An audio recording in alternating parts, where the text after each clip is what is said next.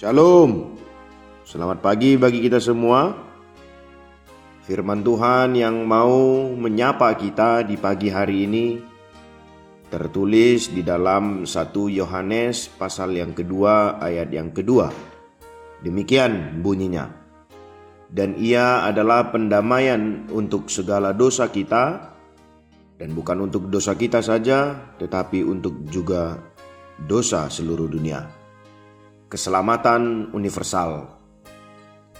Jika kita membaca mulai ayat yang pertama dari kitab 1 Yohanes ini, maka kita dapat melihat bagaimana Rasul Yohanes menunjukkan sifat kebapaan dengan tulisan Anak-anakku, hal ini kutuliskan kepadamu.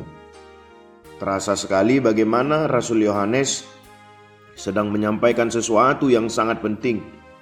Mungkin saja tulisan ini sedang ditujukan kepada anak didiknya, di mana Yohanes sudah mulai tua sehingga sangat penting baginya untuk mengingatkan dan menasihati anak didiknya. Perkataan anak digunakan dalam cara penuh kehangatan. Dengan demikian, penulis surat Yohanes tidak mendekati para orang percaya secara kekanak-kanakan. Dengan tidak memperlakukan mereka kekanak-kanakan, maka ia membuktikan betapa ia sungguh mencintai mereka.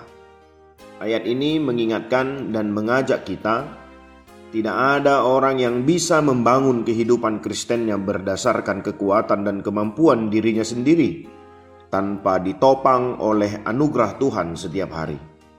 Tidak pernah kita bisa membangun segala sesuatu berdasarkan kebenaran diri. Setiap saat begitu gampang kita bisa jatuh dalam dosa dan berbuat salah. Kita perlu menyadari kita adalah orang yang berdosa dan bersalah di hadapan Tuhan. Namun kita dikasihi dan diampuni olehnya.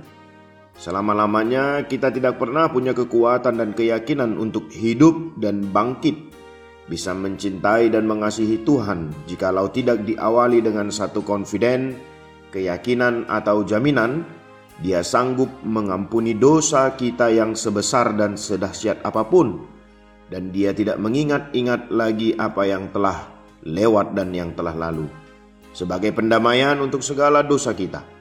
Yesus menanggung hukuman untuk dosa kita dan memenuhi hukuman Allah yang adil terhadap dosa.